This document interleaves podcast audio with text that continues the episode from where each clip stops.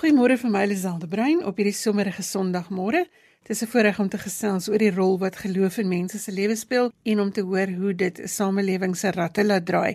Die program is Sondagjoernaal en ons kuier soos gewoonlik tussen die twee nuusbulletins saam met jou. My gaste vanoggend is Dominee Jan Libbe. Hy is die voorsitter van die kuratorium by die Universiteit van die Vrystaat. Hulle vier hierdie jaar hulle 40ste bestaanjaar. Die maatskaplike werker Anet Delaport kom gesels oor emosionele logika en ons hoor ook van die uitvoerende hoof van Agri Weskaap Jannie Strydom. Nog 'n maatskaplike werker, Terren Bell, vertel vir ons van hulle werk met kinders in Ingwavuma, daar diep in Noord-Natal naby die Mosambiekse grens. Al hierdie inligting is op RSG se webwerf by rsg.co.za en jy kan ook wêreldwyd na ons luister by daardie selfde adres rsg.co.za. 'n Ander opsie is DStv se audiokanaal 813. Daar was nogal 'n gesukkel met die sein die afgelope paar weke, so probeer maar een van die ander opsies as jou sein vanoggend 'n bietjie wegraak hier by die FM opsie. Gesels saam op ons Facebookblad of per SMS by 45889 en dit gaan jou R1.50 per SMS kos. Dankie dat jy ingeskakel is vanoggend en ek hoop dat ons jou dag 'n bietjie kan opkikker.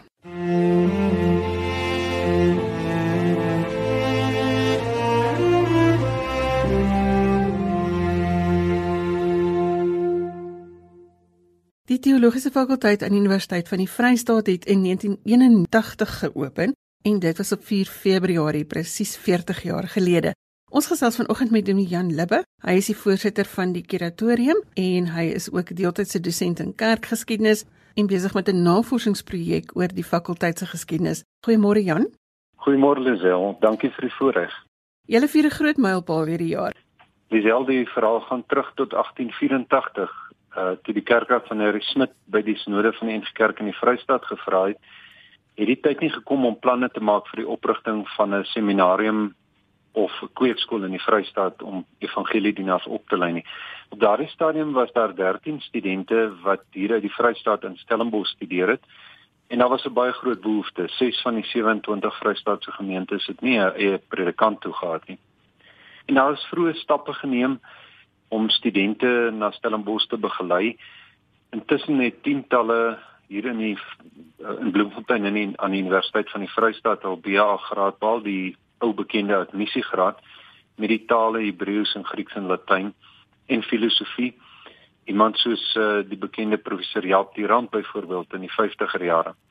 Maar dit was in 1964 dat die Vrystaat se sinode toe weer 'n keer oor teologiese opleiding gepraat het en ook eie aksente gelê het. En jy sal weet dit was die jare na die Kottesloop beraad 'n moeilike tyd in ons land se geskiedenis. En is die besluit hier geneem om plaaslike moontlikhede vir opleiding te ondersoek. En aan die universiteit eh, die universiteit van die Vrystaat destyds het daar ook 'n oortuiging en 'n motivering gegroei. Die vraag was byvoorbeeld eh, hoe kan dit wees dat Afrikaanse Christelike Universiteit nie 'n eie teologiese fakulteit het nie. En daarmee spesifiek ook uh, gedink aan die aan die gereformeerde of sê maar die reformatoriese tradisie uit Nederland. So daardie onderhandelinge van beide van die kant van die Vrystaatse Sinode en van die universiteit het toe in 1978 tot die besluite van die Algemene Sinode en die Vrystaatse Sinode gelei om 'n teologiese fakulteit hier te vestig. En destyds nog sou die NG Kerk 30% van die kostes daarvan dra. So Dit was Augustus 1980 is die eerste dosente bevestig. Professor Meas de Klerk wat toe ook dekaan was in diakonologie. Prof Maurits Kloppers Ou Testament, Jan de Rand Nuwe Testament, Pieter Potgieter dogmatologie, Ewart Kleinhans kerkgeskiedenis en kerkreg en Koos Smit in sendingwetenskap. En dit was hulle wat saam met die kuratorium die voorbereidings getref het Op 4 Februarie 1981 is die fakulteit geopen plegtig met 'n totaal van 47 studente in die eerste 2 jaarsgroepe. Die 80er jare was nog 'n onstuimige tyd in die oorgang na die nuwe konteks in Suid-Afrika. Hoe het die teologiese fakulteit in Bloemfontein in hierdie konteks gevestig en gegroei? Lisel, dit was 2-3 uitdagende dekades wat sou volg. Eintlik uh, die hele geskiedenis van die fakulteit hier uh, as mens dink ook in die geskiedenis van ons land die laaste 40 jaar ehm um, is 'n nuwe tyd gewees. Maar kom ek sê iets oor die verloop daarvan. Die eerste fase in hierdie verhaal hang saam met daardie eerste merkwaardige groep uh figure, die dosente. Hulle het almal uit Pretoria gekom, twee het ook in die, aan die Universiteit van Zululand te draai gemaak Dit was die eerste generasie. Ehm um, en en hier het sterk studente ingeskryf. Verskeie was leiers in die studentepolitiek, ook 'n handvol vroue studente en dis belangrik dat ek dit sê want onthou dit was nog die dekade voordat daar besluit is dat vroue predikante kon word. Daardie besluit is eers in 1990 geneem hier in Bloemfontein. Ehm um, maar teen 1990 was die was die eerste generasie dosente ehm uh, van hulle het al afgetree, daar het 'n tweede generasie gekom. En dit bring ook die tweede fase in hierdie geskiedenis ongeveer 1990 tot so 2003, die tyd toe professor Pieter Potgieter dekaan was, 'n tydperk waarin die band tussen die opleiding en die NG Kerk spesifiek besonder reg was. Die dekaan self was voorsteur van die Vrystaatse Sinode en die Algemene Sinode. Prof Piet Strauss was moderator van die Vrystaatse Sinode. Nog dosente het kerklike leiersposisies beklee mense wil byna sê sodat dit wat in die NG Kerk gebeur het het hier in die wandelgange in die fakulteit weer klink. Jy kan eintlik sê feitelik eerstens. Byvoorbeeld, kerkeenheid was hoog op die agenda in daardie dekade en dit was ook die tyd toe die eerste swart studente van die NG Kerk in Afrika hier voorgraads ingeskryf het vir hulle opleiding. In 2003 het professor Potgieter afgetree, 'n derde fase het aangebreek en dit was toe asof die besef van 'n nuwe konteks in ons land en spesifiek in hoër onderwys ook in die fakulteit posgevat het. Die universiteit het sy eeufeesviering gehad in 2004.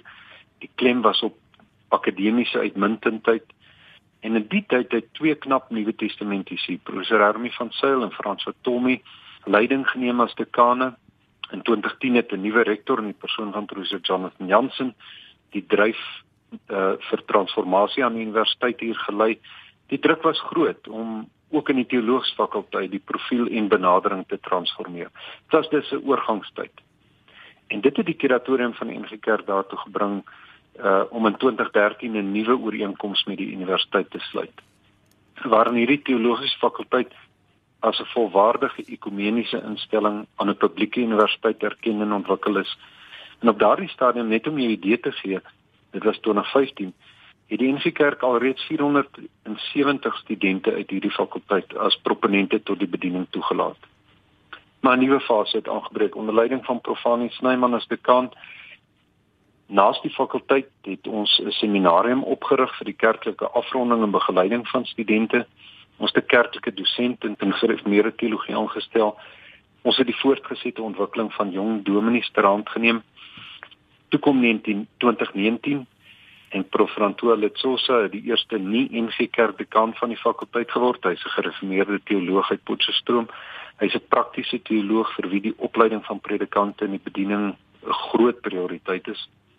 En ja, toe kom COVID-19 en hier is ons nou. Te hoe het die opleiding van die predikante verander oor die afgelope 4 dekades? Dis al ek sal miskien ter samevatting vier groot veranderinge wil wys.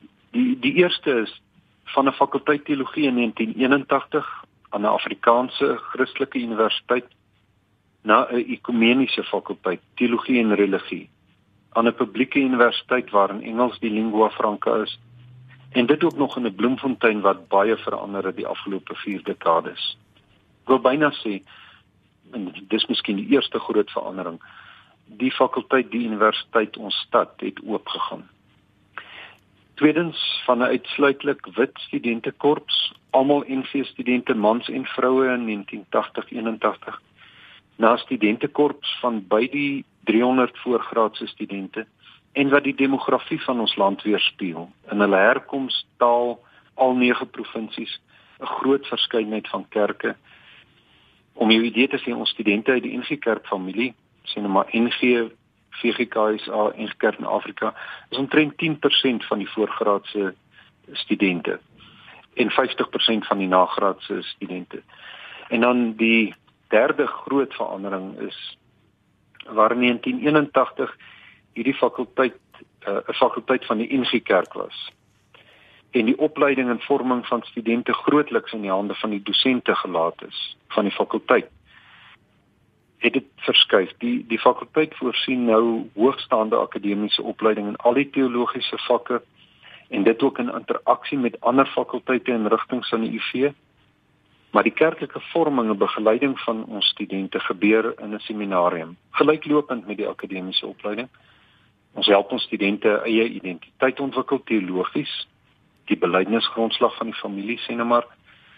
Ons help hulle gereformeerde spiritualiteit inoefen, die lees van die Bybel, die beoefening van gebed, die onderskeie geestelike dissiplines.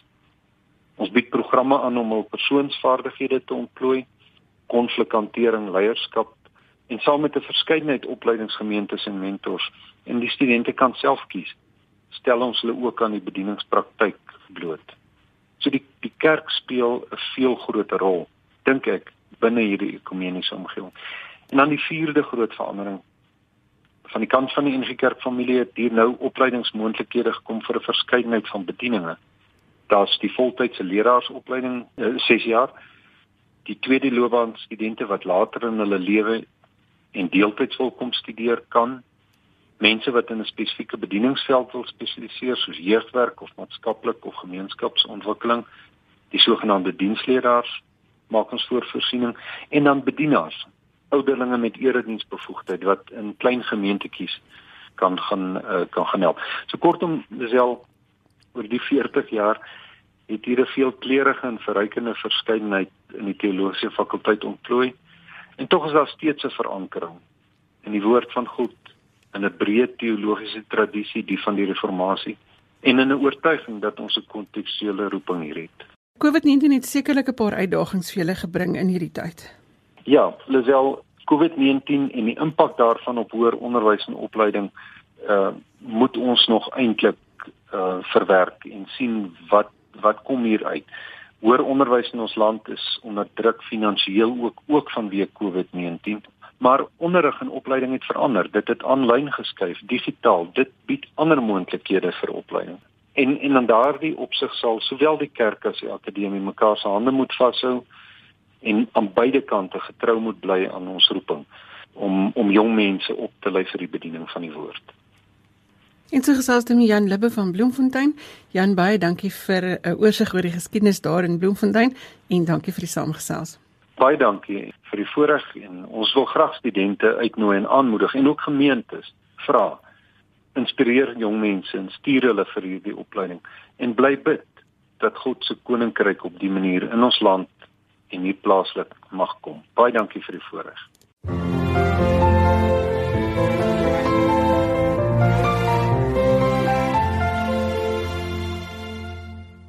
Ons almal is die afgelope jaar gekonfronteer met emosies wat ons dalk nie goed ken nie. En dit is werk om hierdie emosies te erken en onder beheer te kry.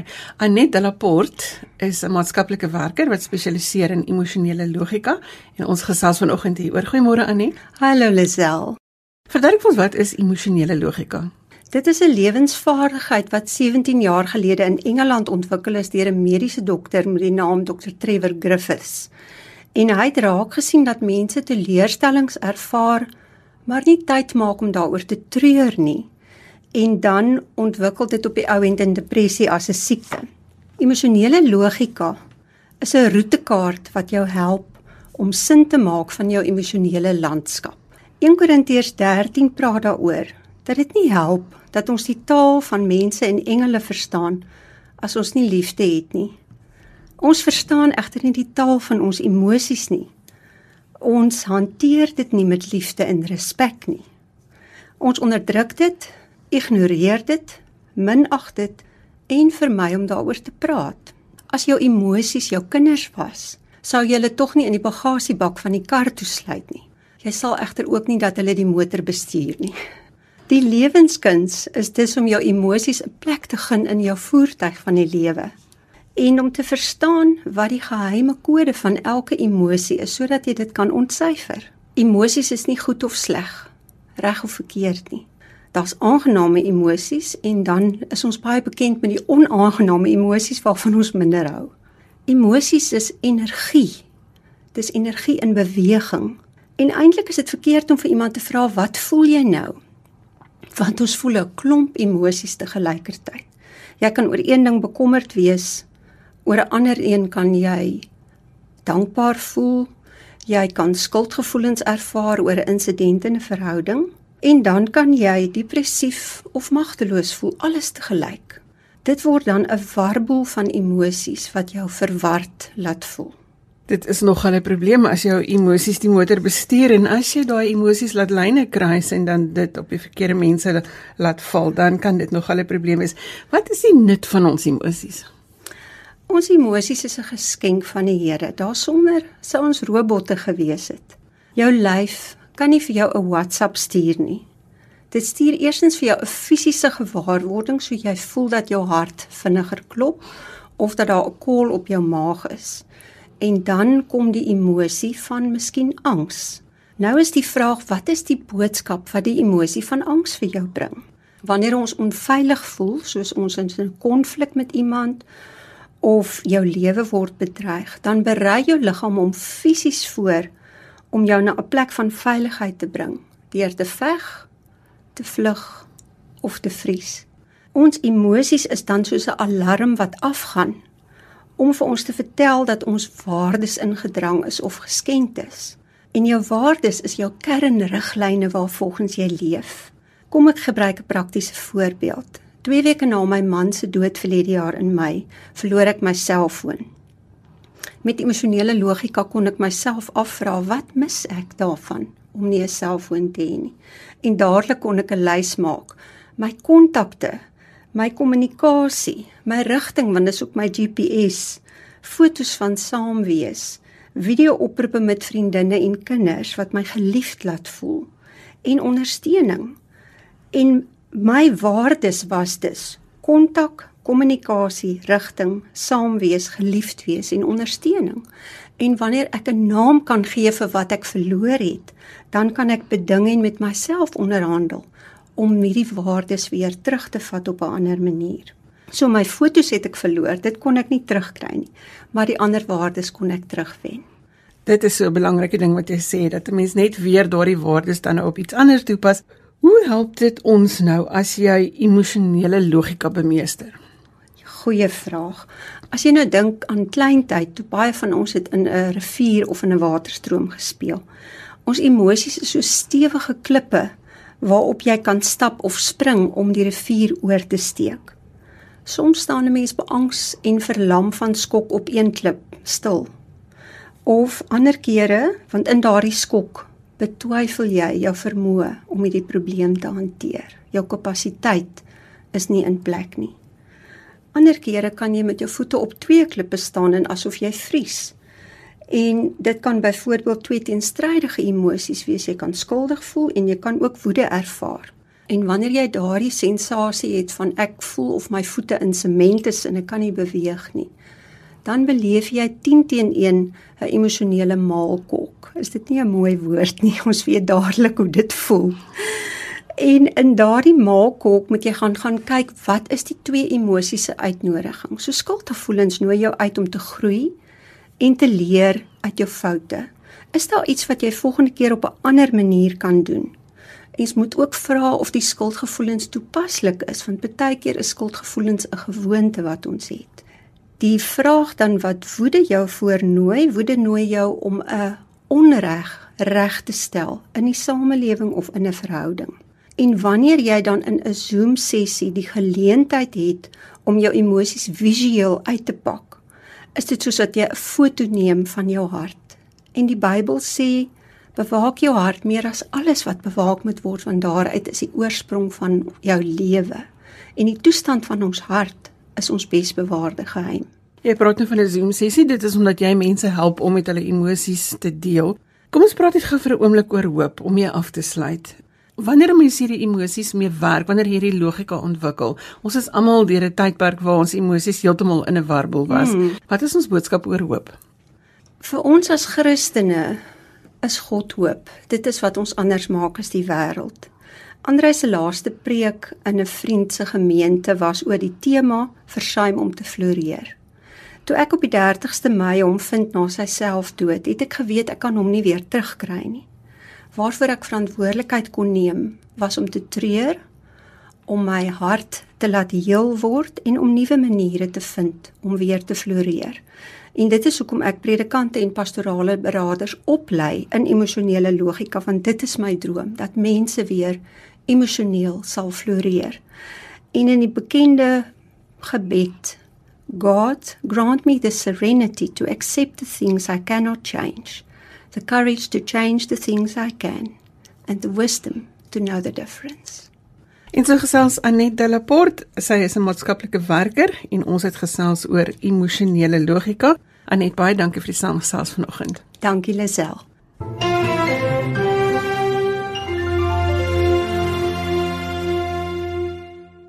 Ek gesels vanoggend met Agri Weskaap se uitvoerende hoof Jannie Strydom oor die landboutoestande in die Weskaap. Goeiemôre Jannie. Goeiemôre Lisel. Jannie, ons hoor baie nuusberigte van groot reën wat reg oor die land geval het. Wat is die situasie van die droogte tans veral hier in die Weskaap? Ja, Lisel, ek weet as 'n mens kan begin, uh ons wil eerstens sê ons is baie dankbaar vir 'n goeie winter reenseisoen wat ons verlede jaar gehad het. En ons het gesien van die groter opgaar damme in ons provinsie uh is is eerste keer sedert 2014 vol byvoorbeeld en oorgeloop byvoorbeeld die Teewaterskloofdam. So ons is baie dankbaar daarvoor, maar Soos jy reg sê, daar's nog erge droogte toestande in in groot dele van ons provinsie en dit sluit dan nou in die Sentraal Karoo, die Klein Karoo, die Kanaland streek en hierdie noordweste van ons provinsie, jy weet Kliprand, Bitterfontein, Langplaas area. So ja, dis nou hoofsaaklik ons ekstensiewe vee areas, maar tog soos in Klein Karoo area is daar ander vertakkings ook en nie net uh, uh, vee vertakkings nie. So wat en en die produsente trek regtig swaar, jy weet daar is daar's vrugte uh, ook in daai areas, groente, saad ensovoorts en dan nou die volstruise natuurlik wat uniek is aan die Oudtshoorn omgewing. Maar ja, so daar's in ons provinsie werklik waar nog kritieke areas wat die droogte aanbetref. Janie, soos wat jy weet, ons praat geloof, inspirasie, hoop, al daardie dinge. Hoe ondersteun 'n organisasie soos Agri Weskaap die boere geestelik? Ja, dit is 'n groot uitdaging, Lisel. Ek dink ehm um, laat hulle dit nodig het, dit is verseker so.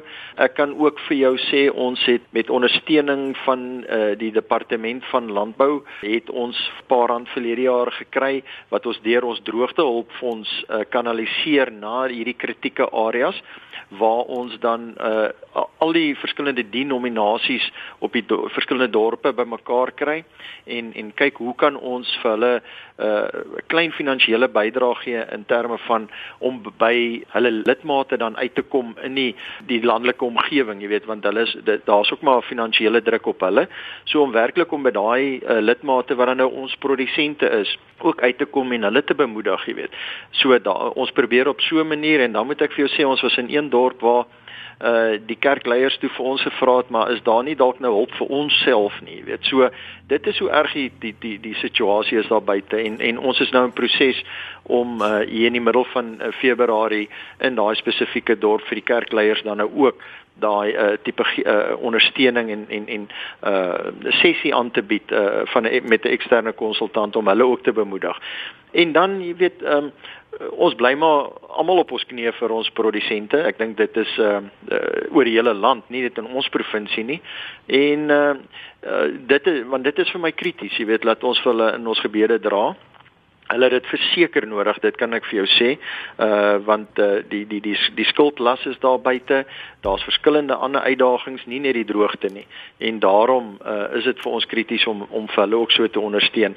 Maar dit is moeilik ons kyk maar so ver as moontlik jy weet en met ons kommunikasie uh ons ons gesprekke met hulle uh om te bemoedig so ver as wat ons kan Wat dink jy kan hoop gee in 'n tyd soos hierdie Janie? Jy weet wanneer dit moeilik gaan en wanneer ons sien dat die reën nie kom nie. Die gemeenskappe staan saam en hulle stuur kos en hulle ja. stuur wat nodig is, maar maar waar gaan haal ons hoop in hierdie tyd? Ja, ek dink uh dit is krities dat ons uh dat ons nog hoop het. Ek dink as ons die dag hoop verloor, ek dink dan is dit verby. So ehm um, as ons kyk na na na elke uh, produsent, elke plaaswerker uh want ons moet hulle nou nie vergeet nie, nou dit is 'n gemeenskap op sy eie op elke plaas ook, jy weet wat wat geraak word uh, deur deur hierdie erge droogte. So om die hoop te gaan kry, ons was um net 'n voorbeeld, ons was in in die Merwewil omgewing einde verlede jaar het ons daar biddag vir reën wat ons in samewerking met 'n groepering gedoen het. En jy weet ek dink net bloot daai samehorigheid. Daar was plaaswerkers, boere, uh van die gemeenskapleiers, jy weet, en, en ons van georganiseerde landbou en ek dink as 'n mens sien uh, in hierdie droogte tye hoe daar hande gevat word, hoe mekaar ondersteun, dink ek dit is 'n groot bron van hoop vir my. Maar ek dink dit bevorder tog dat ons mekaar uh, hande vat en dat ons saam want ons is saam in hierdie in hierdie hele uh, uitdaging. En want dit is 'n hele gemeenskap jy weet wat 'n uh, dorpie wat erg geraak word. En ons sien die platteland die, nie net by ons nie maar in die land is is uh, maak staat op die landbou. En as die landbou swaar trek dan trek alle besighede en instansies op die dorpe ook swaar Ek weet en dit sit druk op almal. En soos ek nou nou nou vir jou gesê het, uh, waar kerkleiers nou aan vir ons vra maar is daar nie uh, tot 'n mate ondersteuning vir ons ookie. Uh en dis hoe erg dit gaan. So daai hoop hopelik met met met positiewe boodskappe soos hierdie gesprek met jou net om vir vir die boere en die plaaswerkers daar buite te sê ons dink aan julle. Uh ons sien wat julle doen. Ons het gesien nou in die afgelope erge inperkings wat ons gehad het, wat het die landbou ten spyte van hierdie droogte toestande nog steeds vir gemeenskappe beteken terme van voedselskenkings ensovoorts. So uh dankie. Ons sien wat julle doen en ons het waardering vir dit wat julle doen. Ten spyte van die die pandemie ten spyte van die erge droogte ten spyte van verskeie uh, klimaatsfaktore wat wat druk uitoefen op hulle uh, oorleefbaarheid ensovoorts jy weet uh, ons het waardering vir wat wat hulle doen vir ons Ja nee as ek op 'n persoonlike vlak mag vra wat is dit wat jou dankbaar maak in die lewe Dis al Ja, daar daar's eintlik so baie nê, maar ons is geneig om eers na die na die negatiewe goed te kyk en nie te besef waarvoor uh uh moet ons eintlik dankbaar wees nie. En ek dink vir my persoonlik op hierdie stadium is gesondheid en en dit het nou uit die pandemie uitgekom. Uh want ons het nou ons praat nou gereeld dat dat uh die nommers uh, raak nou name uh soos die mense na 'n mens uh, nou die virus opdoen en jy weet dit is vir my op op, 'n persoonlike vlak absoluut krities en ek baie dankbaar daarvoor uh, laat 'n mens gesond kan wees. Maar dan laat 'n mens aan 'n aan 'n hoër hand kan vashou. Ek dink daai ja dis vir my moeilik om te verstaan as 'n mens nie daai tipe verhouding het nie en uh, ondersteuning het en weet dat iemand hoor na ons kyk na ons omsien en en dit vir ons uh, moontlik maak om elke dag in hoop te leef en op te staan en en en die uitdagings wat elke dag oor ons pad kom dan nou uh in die gesigte staar en en te hanteer en te oorkom ook. So vir my is dit uh is dit absoluut krities om daai verhouding ook uh uh met ons Skepper te hê en dit is waar waar my dag begin. Daarsonder kan ek verseker nie met al die uitdagings wat ons uh tans in die gesig staar en wat ons my elke dag oor ons paadjie kry, jy weet. So daai is vir my absoluut krities uh, op die stadium.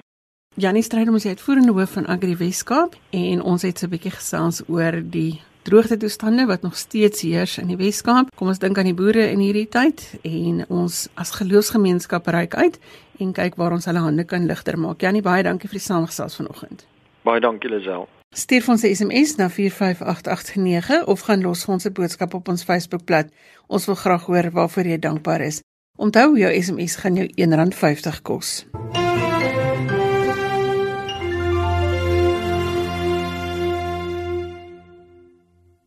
Darren Bell bly en werk op Ingwavuma en ons gesels vanoggend met haar oor die Butterfly Palliative Versorgingshuis vir kinders. Môre Darren? Môre Lisel, baie dankie vir die geleentheid om met julle te kan gesels. Vertel net eers gou vir ons, waar is Ingwavuma en hoe het jy daar wortel geskiet? Weet jy Ingwavuma is in Noord-Natal bo op die Lebombo berge. So ons het natuurlik 'n baie mooi uitsig, soos jy kan dink. Dit is die direkte grens aan Swaziland En dan is ons ook baie naby aan die Mosambiekse grens. Maar ons is nog in Suid-Afrika en hierdie is die Zulu gemeenskap. Die versorgingshuis vir kinders, hoe het dit tot stand gekom? Hoe het jy op Ingwavuma beland en met die kinders begin werk? Ons storie het so 10 jaar gelede begin. Uh, my man is 'n mediese dokter en ek is 'n maatskaplike werker. En 10 jaar gelede toe het ons uitgevind dat hy vir sy gemeenskapsdiensjaar na 'n landelike hospitaal genaamd Mseleni gestuur word. Nou Mseleni is direk langs Sudwana Bay. So dit is die area waar almal heen gaan op vakansie om te gaan duik. Ons was pas getroud gewees en het ons twee karretjies gepak en al die pad van George af gery oor 2 dae en dit was ons eerste keer in Zululand um, om hier te kom woon en werk. En ons het albei in die hospitaal gewerk en um na so 'n jaar het ek besluit om 'n meesters in maatskaplike werk te begin doen en ek het van die huis af gewerk en in daardie tydperk het ons ons eerste kindjie teëgekom. Uh, sy was 'n uh, 'n weeskindjie gewees in die plaaslike kinderhuis en um, sy het down syndroom gehad, maar ook 'n uh, hartkwal en sy was in hartversaking gewees. Nou op die tyd het ons nie geweet dat sy eintlik uh, akuut palliatief was nie. Nou die woord palliatief beteken dat sy dat sy behoeftes het wat gaan maak dat sy binnekort sterf. So dit is dit is daai gedeelte aan die einde van jou lewe wanneer jy 'n terminale kondisie het en jy terminale versorging nodig het. Ek is mal oor mense met Down syndroom. My swaar het ook Down syndroom, Pietie, uh, Pieter Bell. En ons dogter, weet jy, ons kan hierdie dogtertjie vir naweke neem en net 'n bietjie liefde gee en ja, ons het gevoel ons het iets om te bied. Wel, na die eerste naweek het ek vir my man gesê ek gaan nie hierdie dogtertjie teruggee nie. So ons het vir 6 maande aan en af na klein Nami gekyk en ons het toe agtergekom hoe siek sy eintlik was. En sy's op die ou einde in my en my man se arms oorlede. En die volgende oggend het ons op Mabibi strand gesit en net deur ons emosies gewerk, die sterfte van ons eerste kind en net regtig vir God gevra wat uh, hoekom? En ek het so duidelik in my gees gevoel God sê uh, jy gaan weer lief word vir babas en hulle weer verloor net na dit het lewe weer besig geraak en ons het aan die gang gekom met met ons eerste welsinsorganisasie wat ons op die been gebring het. Maar ek en my man was baie bewus geweest van ander weggooi babas en kinders wat weesgelaat is, wat siek is en gevolglik in staatshospitale opeindig. En hierdie kindertjies, party woon al so lank as 4 jaar in 'n hospitaal sonder enige liefde of enige verhoudinge wat bydra tot die kwaliteit van hierdie kind se lewe. En ons het altyd baie sterk gevoel, weet jy, so lief soos wat ons vir klein Nami was, so kan ons weer wees vir kindertjies. Ons was altesaam 7 jaar lank gewees op Nseleni voordat ons die roeping gevoel het om verder in Zululand op te gaan en meer landelik te leef en Christof het toe 'n pos aanvaar by Mosveld Hospitaal in Ingwavuma en ons is nou al hier vir net so oor die 3 en 'n half jaar. Toe ons optrek Ingwavuma toe, het ek regtig gebid en vir God gevra, wat is die rigting wat ons welsinsorganisasie moet inbeweeg? En ek het altyd gevoel hy herinner my julle gaan weer lief wees vir babas en hulle verloor.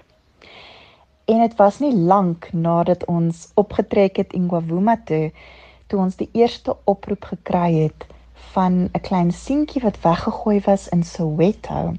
Hy's gevind deur 'n man wat gedraf het in die bosse buite Orlando sokkerstadion. En uh, die man het het 'n geluidjie gehoor in die bosse en 'n baba opgetel.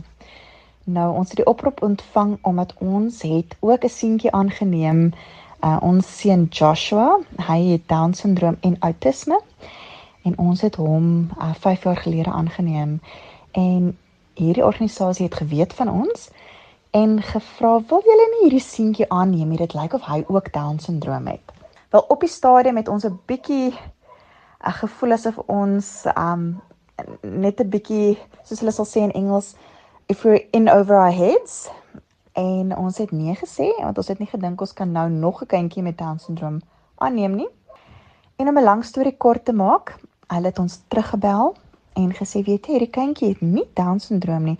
Hy's gediagnoseer met 'n terminale kondisie um, genaamd Edward syndroom wat maak dat hy 'n kort lewe gaan lei en palliatiewe sorg nodig het.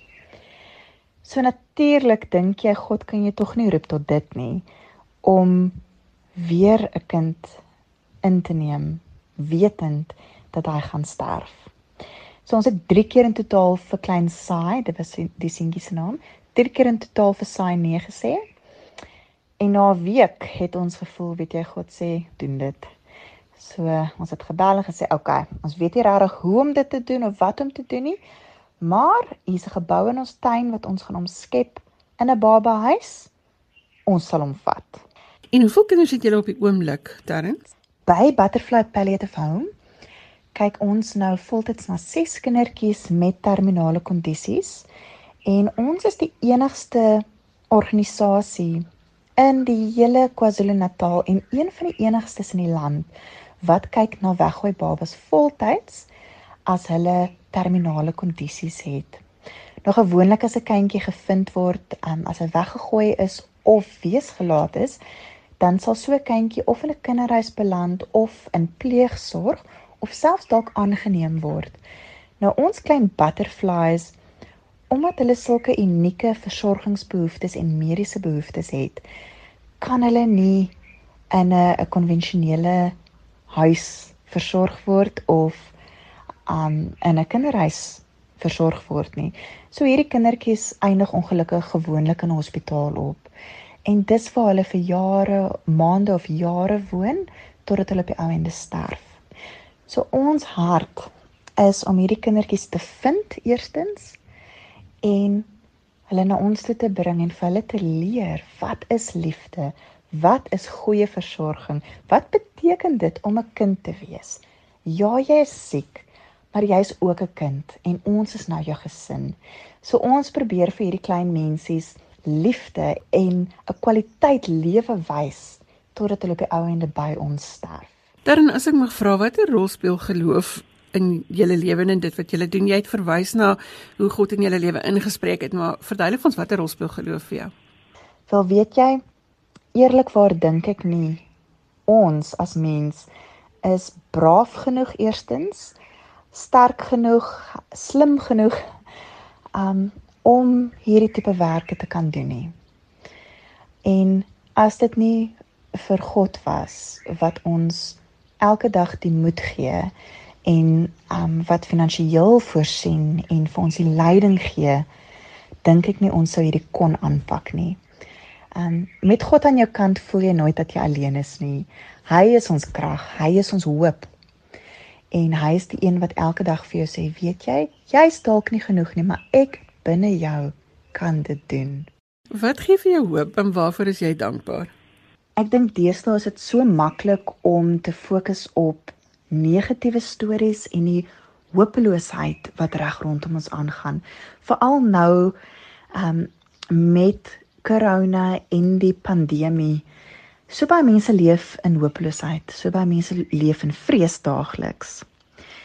En weet jy, as ek net kyk na die kindertjies wat na ons toe kom, babetjies wat na ons toe kom wat glad nie meer lewe in hulle oë het nie dit vat net die eerste goeie voeding, die eerste warm bad, uh die eerste warm bottel in die lyf voordat jy weer kan sien daar's besig om lewe terug te kom in hulle oë.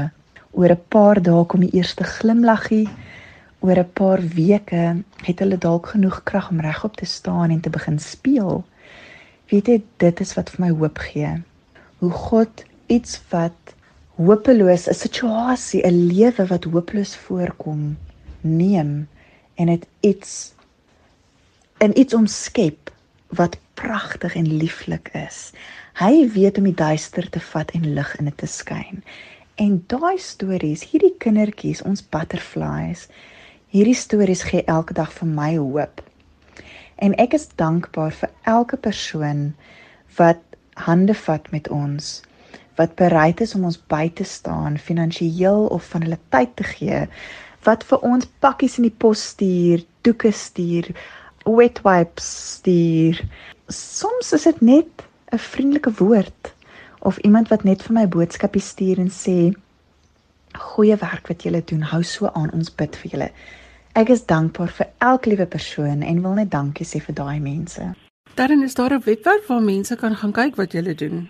Julle kan meer gaan sien wat ons doen by ons webtuiste en dit is www.butterflyhome.org.za. Dit is butterfly home een woord. En so gesels Sterrenbel, sy woon op Ingwawuma en hulle het 'n huis waar hulle kinders versorg. Darren baie dankie vir die saamgesels vanoggend. Ag baie dankie vir die geleentheid en ek hoop julle het 'n lekker dag verder. Ons is aan die einde van ons kuier vanoggend. Ek sê dankie vir my gaste, Dominee Jan Libbe, Anet Delaport, Janie Strydom intern bel van Ingwavuma. Sondagjoernaal is as 'n potgooi beskikbaar. Jy kry dit op RSG se webwerf en die adres daar is rsg.co.za. Jy kan vir my e-pos met kommentaar of as jy 'n geloostorie met ons wil deel, my e-posadres is lazel@wwmedia.co.za. Tot volgende week groet ek namens tegniese regisseur Neil Roo. En onthou, stel jou doelwitte vir die week wat voorlê. My doelwit is om vir almal om my te glimlag, al is dit nou agter die masker, want ek is seker met 'n glimlag kan ons die wêreld verander. Volgende Sondag is ons weer aan diens. Tot dan, van my Neil. Totsiens.